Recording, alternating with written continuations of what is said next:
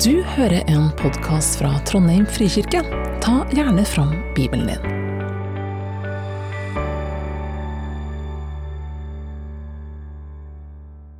Hei, det er meg. Godt å se dere igjen. Ehm, Vi er fortsatt i verdens mest berømte tale, i Bergprekena. Den som vi kan lese i Matteus 6 og 7 i Bibelen. Og Vi har snakka mye om bønn i høst. Vi har gått linje for linje gjennom den bønna Jesus lærte oss å be, den vi kaller for Vår Far eller Fader vår. Men så er det noen få vers igjen i Bergpreken om bønn som jeg syns vi skal snakke om. Eh, og det havna på meg, da. Eh, men først skal jeg minne om et par ting, for vi må prøve å knytte det sammen med alt det vi har lært, og alt det vi har liksom, eh, lagt grunnlag for fram til nå. Og Det første er åpenbaringa Skal vi se, nå må vi ha et bilde der, ja. Åpenbaringa 3.20, så sier Jesus.: Se, jeg står for døra og banker. Om noen hører min røst og åpner døra, vil jeg gå inn til han og holde måltid. Jeg med han, og han med meg. Og Vi har hørt tidligere i serien at bønn er altså en invitasjon. Jesus banker på. Han vil veldig gjerne inn. Men du står fritt til å holde den døra lukka eller å åpne den. Og Jesus har lovt at hvis vi åpner, så vil han komme inn. Han vil gjerne være sammen med oss. Og så har vi sitert Hallesby, som sa at å be er å lukke Jesus inn. Ja, til og med å lukke Jesus inn i hjelpeløsheten. Så bønn er altså et liv sammen med Jesus, som også Magne var inne på. Vi kan lukke Jesus inn i livet akkurat sånn som det er. Med de folkene vi lever sammen med, med det arbeidet vi har, i tru og tvil og utfordringer, når det er smerte og når det er glede. Han vet allerede hvordan du har det, og hva som foregår. Og I Matteus 6, rett før Jesus lærte disiplene sine å be, vår far, så sier han når dere ber, skal dere ikke ramse opp ord sånn som hedningene gjør. De tror de bønnhørt ved å bruke mange ord. Vær ikke sånn som dem. For dere har en far som vet hva dere trenger, før dere ber han om det. Og Se litt på denne setninga. Hør hvordan det blir hvis vi legger trykket på forskjellige ord. Eh, dere har en far som vet hva dere trenger. Dere har en far som vet hva dere trenger. Dere har en far som vet hva dere trenger. Dere har en far som vet hva dere trenger. Dere har altså en far som vet Ja, nå klarte jeg å rote det til, men dere har en far som vet hva dere trenger. Husker vi det? Jeg skal komme tilbake til det her og legge trykk på ordet, så det er et lite poeng i det. Eh, og så da, Et kapittel etter at Jesus sier det her, så kommer altså dagens tekst. Eh, be, så skal dere få. Leit, så skal dere finne. Bank på, så skal det lukkes opp for dere. For den som ber, han får. Og den som leit, han finner. Og den som banker på, skal, skal det lukkes opp for. Eller hvem av dere vil gi sønnen sin en stein når han ber om brød, eller gi han en orm når han ber om en fisk? Når selv dere som er onde, vet å gi barna dem deres gode gaver, hvor mye mer skal ikke deres far i himmelen gi gode gaver til dem som ber ham? Be, så skal dere få. På engelsk i den New International Version så står det 'Ask, and it shall be given to you'. Altså spør, så skal dere få. For dere har en far som vet hva dere trenger. Og som det står her i vers 11.: Når selv dere som er onde, vet å gi barna deres gode gaver, hvor mye mer skal ikke da deres far i himmelen gi gode gaver til dem som ber ham? Så altså, hvis vi skal oppsummere så langt Vi har en Gud som vet hva vi trenger, og som gjerne vil gi oss gode gaver.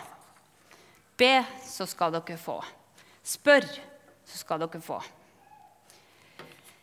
Barnebarna mine på tre år de spør ofte om sjokolade. Jeg har en skuff i kjøleskapet. Jeg tok med meg bare én, for det er bare restene etter siste, siste uka. Eh, hun minste hun som ett år, hun vet nøyaktig hvilken høyde i kjøleskapet den skuffa er, så hun peker og så piper hun framfor den skuffa. Og jeg elsker sjokolade, og jeg elsker å skjemme bort de her barnebarna. Så de vet at hvis de spør, så får de. Med mindre en av foreldrene kommer i forkjøp og sier at nei, nei, nei, vi skal spise middag. Eller mamma hun har fått mer enn nok nå. Men jeg er mormor, så jeg kan, jeg kan vise kjærlighet med Stratos. Og de få gangene jeg må si nei, da, så spruter tårene. Og det er akkurat som livet ramler sammen fordi at de skjønner ikke hvorfor jeg ikke da gir dem Stratos, for de tror at det er god mormor hun sier ja til sjokolade. Og så flirer vi litt, og sånn, men tenk om livet var så enkelt. Tenk om livet var så enkelt. Be, så skal dere få. Mener Jesus virkelig at den som ber, skal, skal få? Er det sikkert? Er det en garanti?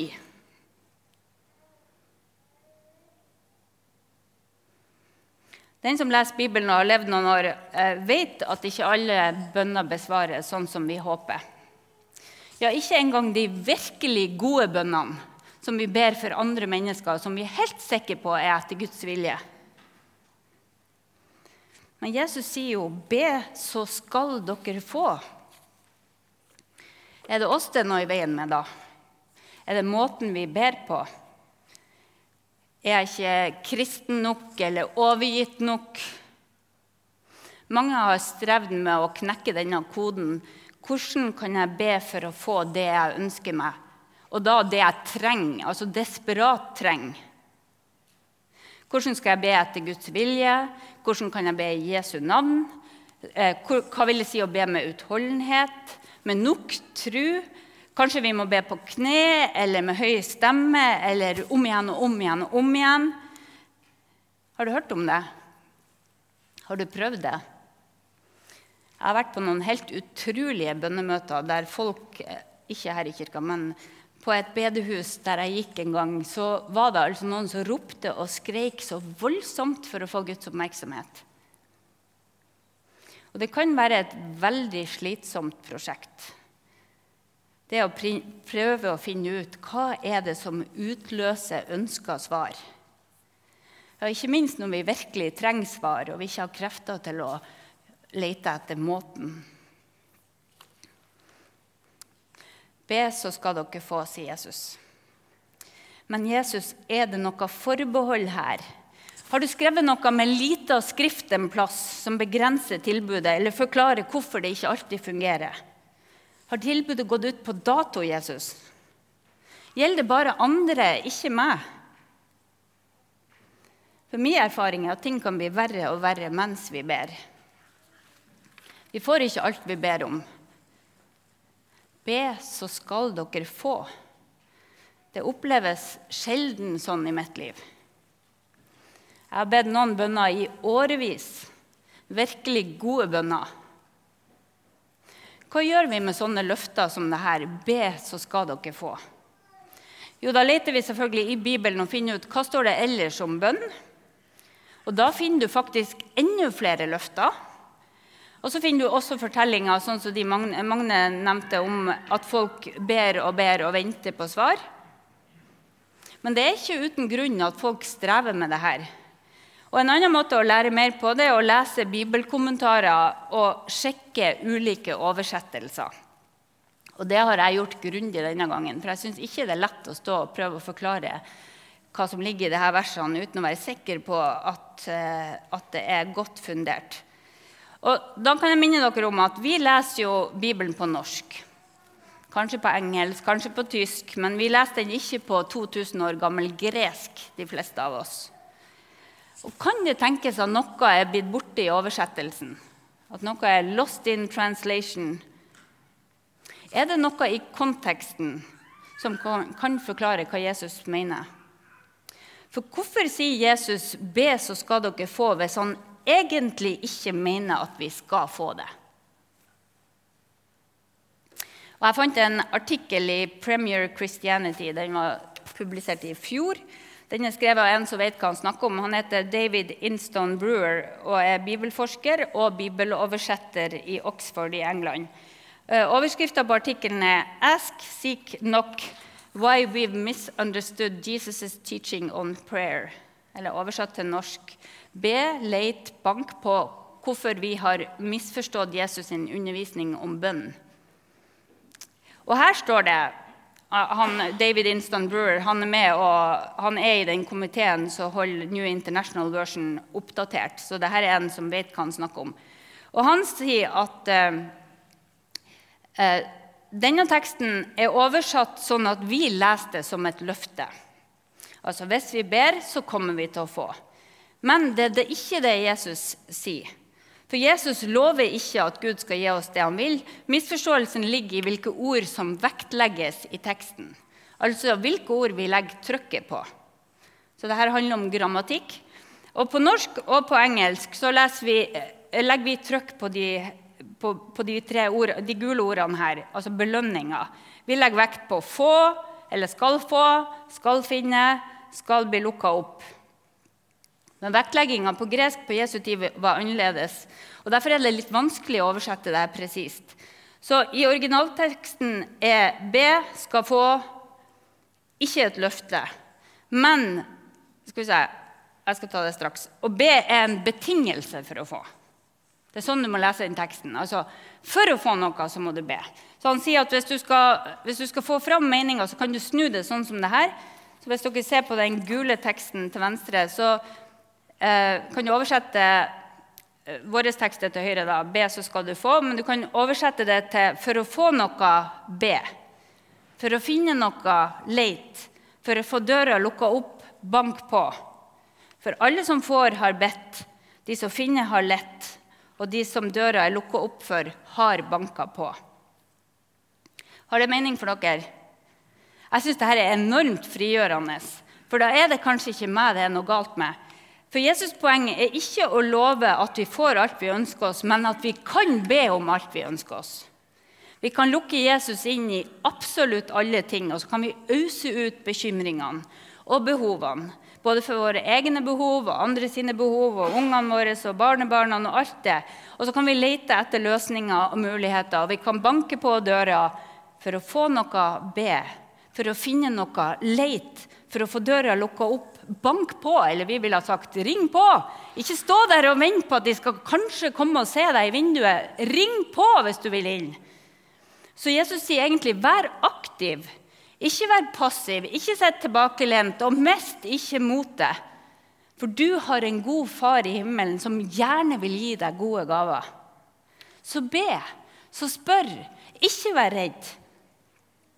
Gud vil gjerne gi deg gode gaver og hjelpe deg. Og Det understreker han jo her i vers 11 når han sier at når selv dere som er onde, vet å gi barna deres gode gaver Stratos. sant?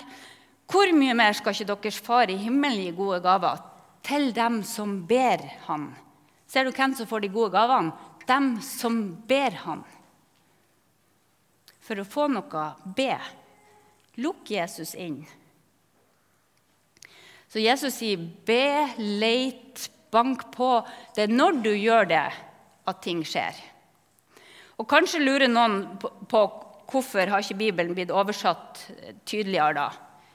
Eh, og det lurte jo jeg på. Og Svaret i artikkelen er rett og slett at det blir for mye bråk når man oversetter vers som alle kan etter 100 år, og så skal skrive det om for at det skal bli helt korrekt. I stedet så overlater man oppgaven til sånne som meg, som skal si at nei, Jesus mente det ikke akkurat sånn, men jeg skal Skjønner dere? Heldigvis så finnes det kjempegode verktøy på nettet, så også dere kan lese og finne ut av. Hvis dere ser at her er et løfte, det stemmer ikke, prøv å lese hva folk har skrevet om det. For det er mer dybde i bibeltekstene enn vi aner. Og jo mer du lærer, jo mer interessant er det. Så oppsummert her, da. Vi er ikke garantert å få det vi ber om, men likevel blir vi oppfordra av Jesus, av Jesus til å be og spørre og lete og banke på, til å være aktiv. For alle som får, har bedt. De som finner, har lett. Og de som døra er lukka opp før de har ringt på. Og så en liten tanke. Hvis Gud ga meg alt jeg ba om, da ville jeg hatt store problemer. Jeg vet ikke om du har det, men bare tenk på alt det du har ønska deg og, og bedt om opp gjennom. som jeg tror det er Tim Keller som sier at da ville jeg, da, da, da, jeg hadde fire andre damer jeg ville ha i stedet for kona mi. Jeg er veldig glad for at Gud ga meg kona. Eh, men Gud er altså fremfor alt en god far. Og som Jesus sa i Matteus 6,8.: For dere har en far som vet hva dere trenger, før dere ber han om det. Og Det er jo et lite paradoks her. Hvis han vet, hvorfor må vi da be? Det har jeg stilt mange ganger i ren latskap, tror jeg. For svaret er jo kanskje ikke så enkelt som at du må be, men at du får lov til å be. Du får lov til å lukke Jesus inn. Du får lov til å spørre om alt mulig. Du får lov til å søke, og du får lov til å banke på. Så Jesus' sin konklusjon er ikke 'Gud vet, så la være å spørre'. Nei, Gud vet, så spør. Så be. For å få noe be. For å finne noe leit. For å få døra lukka opp bank på. Og vi kan jo aldri være sikre på at det vi ber om, er etter Guds vilje. Og vi vet ikke hva som er best for verken oss eller for verden og den store sammenhengen i det lange løp. Men vi vet med sikkerhet at Jesus vil at vi skal be. Sånn at vi kan nærme oss Gud med tillit og stole på at han kan håndtere sorteringa mellom ønsker og bønner, det viktige og det uviktige. For Gud har visdom som vi ikke har. Og Vi har én historie i Bibelen om det her som, som, som ble sterk for meg. Eh, den siste kvelden i Getsemane hage så tok Jesus disiplene med seg for å be.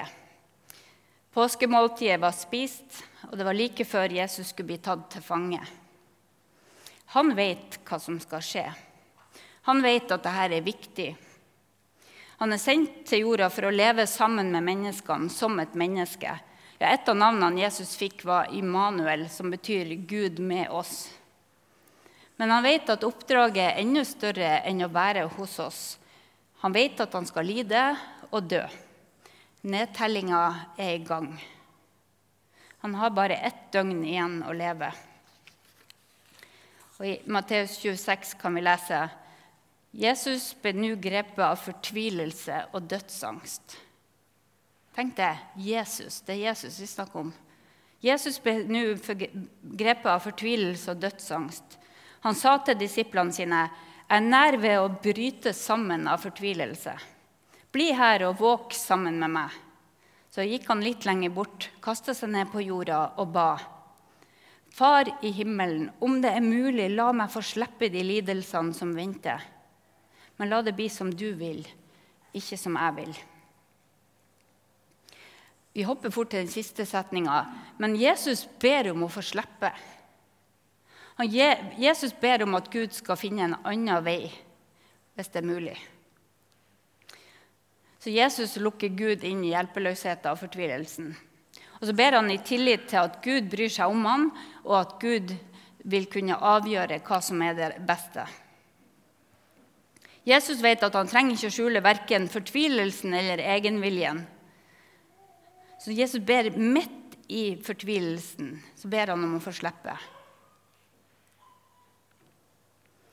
Og så vet vi at han bøyer seg for Guds vilje. Og kanskje det er denne bønna her som gir han kraft til å gjøre det. For Jesus gjør ikke motstand når de kommer for å ta ham til fange. Han tåler anklagene og fornedrelsen. Han bærer korset som han skal bli hengt på. Ja, lidelser venter deg, Jesus. Han blir korsfesta og dør. Og dette er Guds vilje. Uforståelig for de som så det på den tida. Men Jesaja 53, 5 hadde sagt det. Men han ble såra for våre lovbrudd, knust for våre synder. Straffa lå på han, vi fikk fred. Straffen lå på han, vi fikk fred. Ved hans sår ble vi helbreda. Dette er evangeliet, at Jesu døde oppstandelse åpna veien til Gud, sånn at vi hver enkelt kan møte Gud som far og kjenne Han. Ved Jesus Kristus og med hjelp av Den hellige ånd. Sånn at vi kan åpne for alt mulig og fortelle om hva vi har på hjertet, eller bare være stille hos Han. Og når vi gjør det, så skjer av og til uventa ting. Han, Rowan Williams, som var biskop i London, han har sagt det sånn uh, I have noticed that when I pray, coincidences happen. When I do not pray, coincidences do not happen. Eller på norsk Jeg har lagt merke til at når jeg ber, skjer tilfeldigheter. Når jeg ikke ber, skjer ikke tilfeldigheter. Har dere opplevd det? Jeg håper dere vil dele noe av det eh, med hverandre. Men jeg skal fortelle hva som skjedde her for tre uker siden. Da gikk jeg til forbønn under gudstjenesten her framme. Jeg hadde fryktelig vondt i nakken. Jeg kunne ikke snu på hodet. og Jeg var sliten, og det var skikkelig vondt. Og så tenkte jeg jeg kan jo gå til forbønn. Og Ole Jørgen satt der. Han la handa på nakken og ba. Og jeg kjente ingenting. Sånn som normalt for meg. Jeg bruker sjelden å merke noe når jeg går til forbønn. Og nakken er jo ikke så viktig. sant? Jeg har jo gitt det et forsøk. Og Dagen etterpå så våkna jeg, og så var jeg om mulig enda verre. Jeg hadde ligget våken og vært sånn svimmel hele natta. Og så, når jeg da sto opp, så spiste jeg frokost og prøvde å gjøre de vanlige tingene. Men det var så ille at jeg la meg på sofaen. Og for dere som ikke kjenner meg, Jeg bruker aldri å legge meg på sofaen klokka åtte om morgenen. Da er jeg i full gang hvis jeg er frisk. Så, men jeg husker jeg sa til Gud jeg legger meg her litt i din nærhet. Jeg legger meg litt her i din nærhet, Gud. Det var mandag og fridag, så jeg kunne gjøre det med god samvittighet. Men jeg sovna, noe jeg heller aldri pleier å gjøre. Så, så, det var ikke noe mer kommunikasjon mellom meg og Gud enn at jeg sovna. Så våkna jeg etter 30 minutter, og jeg kjente med en gang alle smertene var borte. Det var som om de hadde rundet vekk mens jeg sov. Jeg kunne bevege hodet helt fint. Og så varte det. Jeg gikk jo og sjekka hele dagen om det skulle komme tilbake, om det var en tilfeldighet osv. Var dette svar på bønn? Aner ikke. Men det var virkelig verdt å takke for.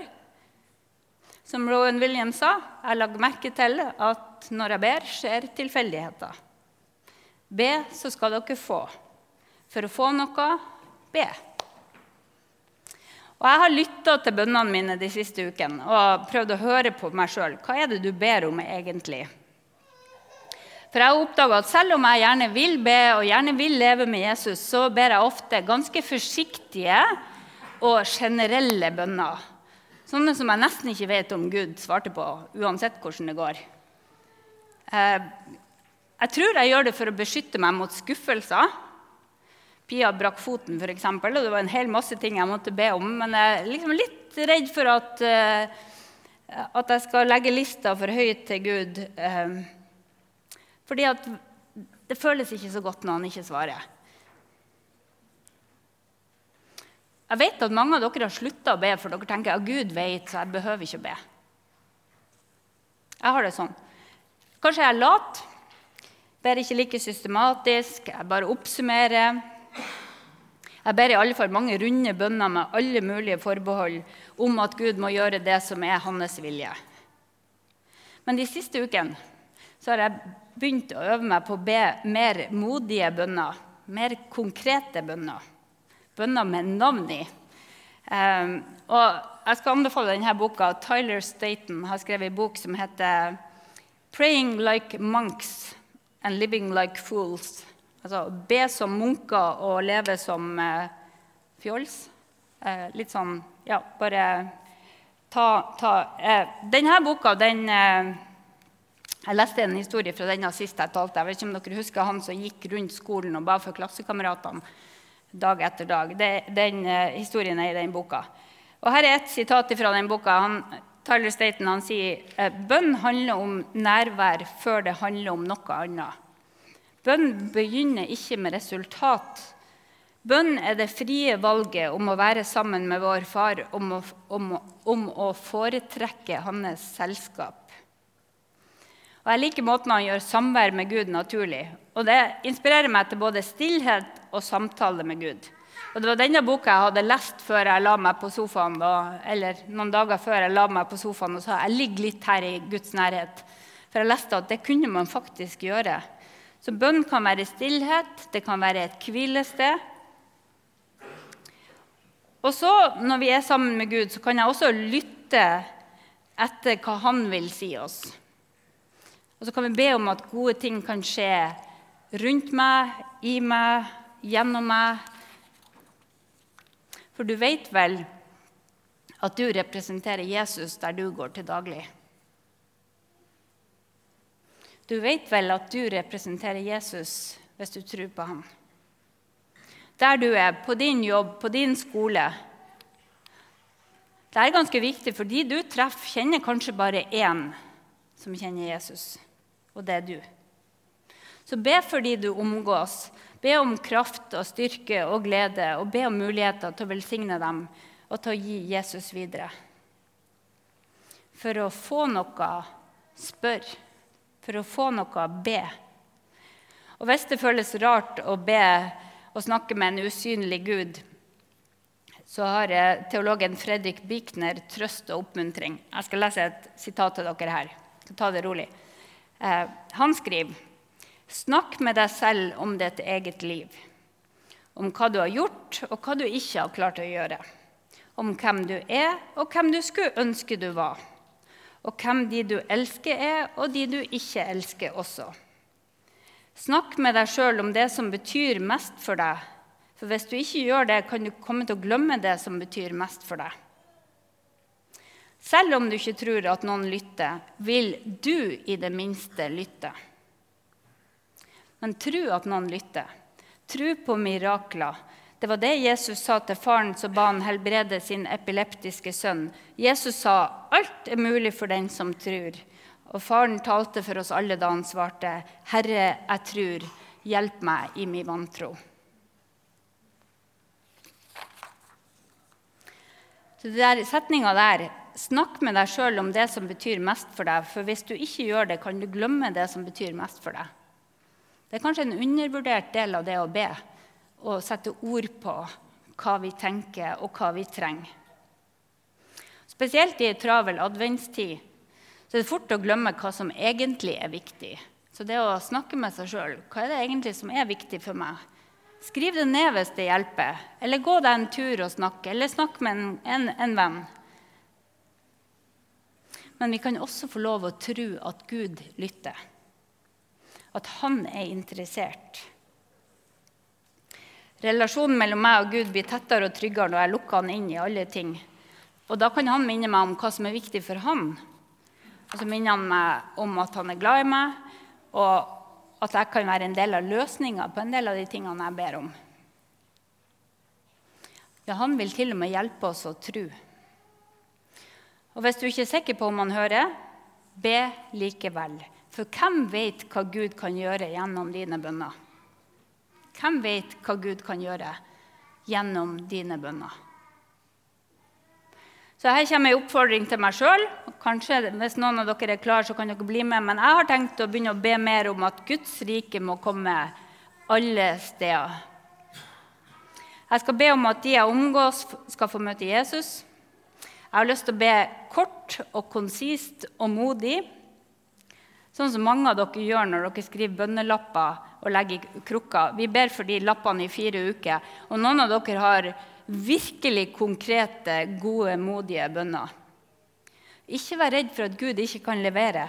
Men nevn navn og steder og be Guds rike komme der. I livene til venner og kjente, på arbeidsplassen, på skolen, i byen, i gata, i blokka, i nabohuset. Be for alt det du ser rundt deg som skulle ha vært bedre. Be for dem som tar ansvar, og for alle dem som hjelper andre. Be for det du trenger, og det du drømmer om. Be om at du får leve et liv til Guds ære. Takk når du ser noe lede deg over, og lukk Gud inn i alt. For å få noe, be. Han Tyler Staten har også et sitat her som jeg skal ta med. Prayer is a source of power. It's the place of love. It's the life source of the Christian life.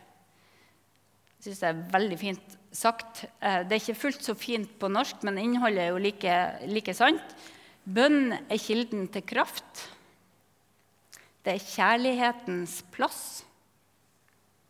Det er livskilden til det kristne livet. Dere, vi har en far som vet hva vi trenger. En far som aldri er langt borte.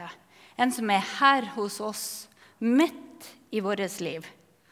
Hver dag, under alle omstendigheter. Skal vi be? Far i himmelen, jeg ber deg om at du hjelper oss til å tro at du hører.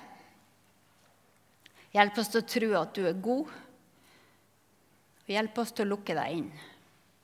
Hjelp oss til å be Jesus. For at du hørte på. Velkommen til gudstjeneste søndager klokka 11. Mer informasjon finner du på trondheim.frikirke.no.